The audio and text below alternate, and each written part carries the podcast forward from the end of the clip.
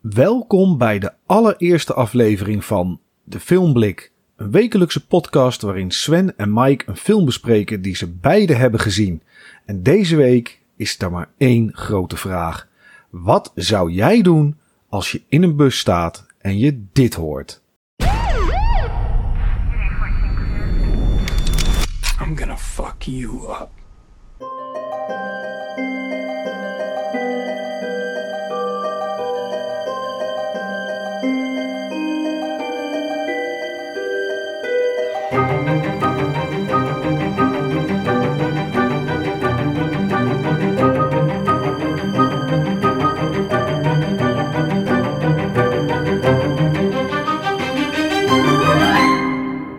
Nobody. Een film van regisseur Ilja Neishuller, die we ook onder andere kennen als regisseur van Hardcore Henry. En het script is geschreven door Derek Kolstad. En die kan je kennen als de schrijver van John Wick. Hier in Nederland was de film te zien voor het eerst op 10 juni 2021 en de muziek is van David Buckley. De film kostte slechts 16 miljoen dollar en leverde in totaal 55 miljoen dollar op. En als acteurs, oog, daar zitten toch wel een paar bekende gezichten in. Um, Nobody is een film die eigenlijk en dat klinkt misschien raar, maar direct begint. Het is een film die 1 uur en 32 minuten duurt. Dus ja, ze laten er geen gras over groeien. Er moet een beetje actie en verhaal in, gelijk in de eerste minuten. Waar gaat Nobody over? Nobody gaat eigenlijk over een hele saaie huisvader. Zo'n kerel die je overal van kent, zeg maar, die je bij jou in de straat misschien ook wel hebt wonen. Met de simpele naam Bob en Bob is een, ja, een, vader die een baan heeft waar hij het eigenlijk niet zo naar zijn zin heeft. Die van zijn vrouw de vuilnis buiten moet zetten en altijd te laat is. Zijn kinderen die over hem heen lopen en eigenlijk alleen nog maar een vader heeft die hem, uh, nou ja, wel op zich wel waardeert. Maar af en toe ook niet zo heel serieus lijkt te nemen. En wat wil Bob? Bob wil iets voor zichzelf. Bob wil namelijk het bedrijf waarin hij werkt, een familiebedrijf, overnemen. En de zoon, die vindt eigenlijk dat zijn pa een loser is. En zijn zwager, die in het bedrijf werkt, uh, die vindt dat ook. Dus Bob kan eigenlijk niks totdat er een probleem komt in huis. En ja, daar twee overvallers staan midden in de woonkamer. En Bob op dat moment ook niks doet. Ja, Sven, dat is eigenlijk het begin van Nobody. Dat is eigenlijk hoe het. Uh, en dit is allemaal nog, zeg maar, een beetje in het negatieve voor Bob. Voor de vader. Ja. Bob Odenkirk hebben we het dan over als acteur. In de film heet hij Hutch. Maar ja, dat is eigenlijk, eh, dat is eigenlijk ja, hoe het begint. ja. Ja. Een beetje triest, hè? Ja, het is een beetje triest. Ehm, ik zou jou vertellen dat ehm, als je niet weet wat voor soort film dit is en je gaat deze dan kijken, dan is de verrassing des te groter. En dat is natuurlijk ook wel de charme van deze film. Maar ik denk dat de meeste mensen dan minimaal de trailer hiervan wel hebben gezien en dan besluiten, hey, die film gaan kijken. Ik, heb, eh, ik kijk eigenlijk geen trailers. Dat is meteen één dingetje, lieve luisteraars, wat jullie eh, van mij dan eh, weten of hebben geleerd. Ik, ik zet trailers eigenlijk nooit aan, want ik ben heel bang dat als ik iets zie, dat ik dan verbanden ga leggen en dat ik dan al te veel zie. Maar ik heb wel heel snel, als ik al een titel eh, lees, acteurs, dan denk ik, ah, deze wil ik zien. En dat was bij deze dus ook zo. En wat je zegt, je denkt van nou, waar gaat dit heen? Wat een loser. Maar je noemde net al in de introductie eh, scriptschrijver eh, Derek Kolstad van John Wick. Ja. Nou, als je dat niet wist, dan had je nadat je deze film had gekeken zelf al zo'n verband gelegd van nou, dit, is, dit zou zo'n soort John Wick film kunnen zijn. Want daar draait Ja. het op een gegeven moment wel op uit. Ja, inderdaad. En dat is ook eigenlijk gewoon waar je naar zit te kijken. Je kijkt eigenlijk naar John Wick. En ehm, alleen dit keer gaat het niet zoals in John Wick. Is niet de, de, de firestarter van alle gevechten en alle ellende die er is. Is in dat geval niet een hondje, zoals het in John Wick is. Maar het is hier net even iets suffer. Het is een armband van een poesje. Een armbandje. En die Ja. wordt gestolen. Ja, die wordt gestolen. En eh, ja, Hutch die heeft zoiets van, nu is het wel een keer klaar. En die gaat het armbandje terughalen. En dan blijkt hij in één keer een, ja, een, een, een soort John Wick te zijn inderdaad. Die eh, kan knokken.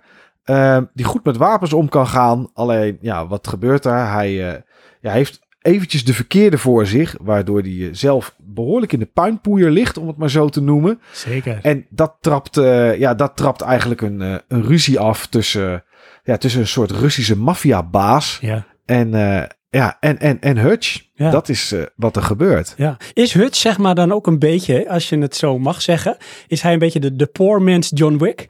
Weet je wat, als je hem Ja. ziet, hè, als je Bob Odenkirk natuurlijk als persoon neemt, dan denk je, nou, waar kennen we hem van? Nou, je, je kent hem van, eh eh, hoe heet die, eh Better Call Saul, eh, eh, Breaking Bad. Je kent hem misschien van de serie Fargo, heeft hij ook nog een, eh, een rolletje in gehad. Ja. Vaak een beetje toch een zullig persoon. Klopt. Ik zie hier nou niet echt een eh, soort eh, action hero. Nee, nee, nou ja, is het een poor man's John Wick? Dat we, ja, misschien dat je zou kunnen zeggen dat John Wick de Albert Heijn is en, en, en Nobody is dan de Lidl, zeg maar. Ja, dat bedoel ik. Ja, Maar ja, is, ja, is dat het slecht? misschien- Want ik kom ook graag bij de Lidl. Nou, helemaal niet. De, tegenwoordig juist wordt het steeds beter. Eh, dus, dus wat dat betreft zeg ik nee. Maar ja, het, qua, qua budget en qua special effects misschien iets wel. Al vallen ze niet tegen hoor in Nobody. Ik bedoel, eh, ja, alles wat je ziet ziet er heel erg goed uit. Zeker, zeker. Maar qua stijl is Nobody wel meer een Ikea. En is John Wick wel een, een soort ja, meubel ja, paradijs, zeg maar. Weet je, er zit wel verschil in. dus zit Daar moeten we wel eerlijk in zijn. Ja, maar dat is ook zo. En zo heb ik dat. Ik heb die film. Ik heb, laat ik zo zeggen. Ik heb ontzettend van deze film genoten. Nog meteen een soort met confession naar onze luisteraars. De films ehm, voor de filmblik en sowieso vaak films kijk ik in bad. En denk je wat? Ja, dus dan eh, ga ik lekker in bad en eh, doe ik een laagje water in. Zet ik mijn plankje neer, iPadje erop. Want ik kijk vaak gewoon op mijn iPad. Mijn AirPods in, mijn doppies. En eh, dan ga ik kijken. En zo heb ik toch ontzettend genoten. Dat op een gegeven moment had ik gewoon van die soort krentenhandjes. Weet je, dat je te lang in bad hebt gezeten. Want ik wilde deze film ook gewoon Oh, ja, helemaal ja, afkijken in bad. Ehm, want ik werd gewoon lekker meegenomen door deze film. Ik vond hem interessant. Ik vond het geen hoogvliegen, maar gewoon lekker. Het geweld met een knipoog. Ik ging ook toch wel echt wel mee met de character, met die Hutch Mansell. En ook het interessante, dat die, die transformatie die die ondergaat. En daar wil ik zo direct nog wel even, als het kan, dieper op induiken. Want voor mijn gevoel zit daar een Mhm. bepaalde laag achter. Ehm, maar ik was wel constant bezig met van, oké, weet je, ik ben wel benieuwd, wat gaat hierna gebeuren? Waar gaat dit toe leiden? Met, eh, en dan verklap ik niks, de openingsscène continu in mijn achterhoofd houdend. Ja. Ja. Nou ja, dat is, dat is, ja, dat is ook wel waar je, waar je, waar je eigenlijk ehm, ja, waar je benieuwd naar bent. Dat is het eigenlijk wel. Het is een film die benieuwd maakt, maar zeg ik wel ook gelijk heel eerlijk bij, dat is voor mij alleen het begin. Zodra eenmaal de actie komt en je weet welke kant het verhaal op gaat, hoe dat zit met, met die Rus, zeg maar, is het ook wel zo weer afgelopen. En dat is niet omdat je zo, was bij mij in ieder geval niet, omdat ik heel lekker in die film zat en zoiets had van, oh jeetje, die twee uur nog wat is voorbij gevlogen. Nee, zoals in het begin zeiden, het duurt 1 uur 32. Ja, dat is inclusief aftiteling.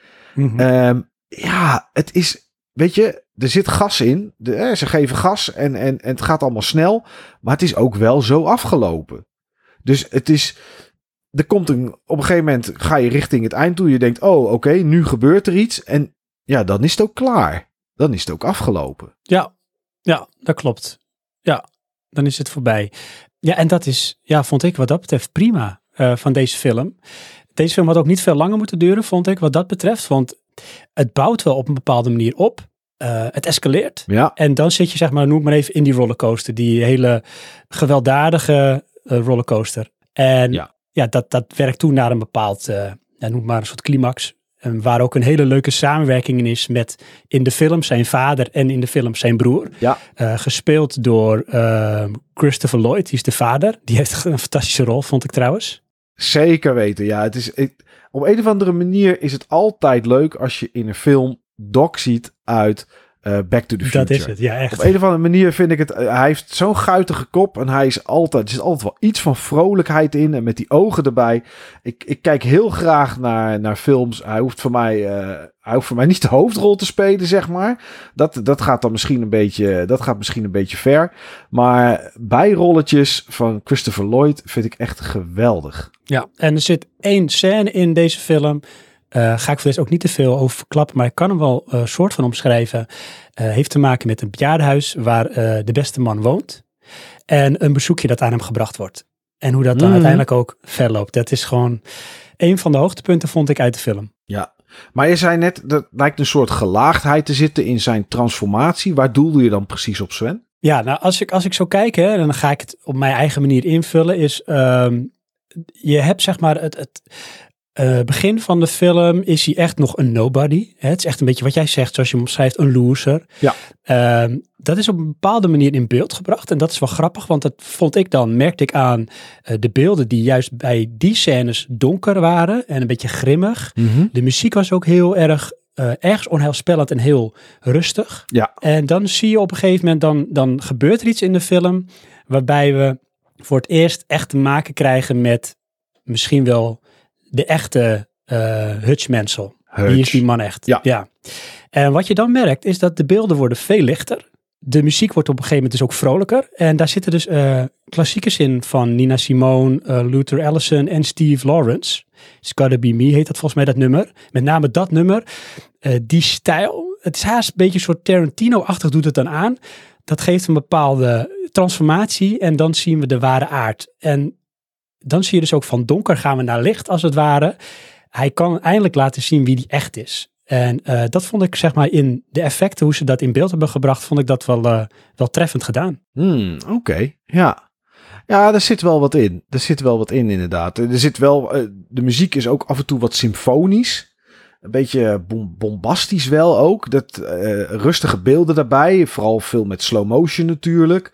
En dat is, wel, dat is wel een beetje op het punt van zijn transformatie, inderdaad. Ja. Dus daar zit, daar, daar zit wel wat in. Daar geef ik je wel gelijk in.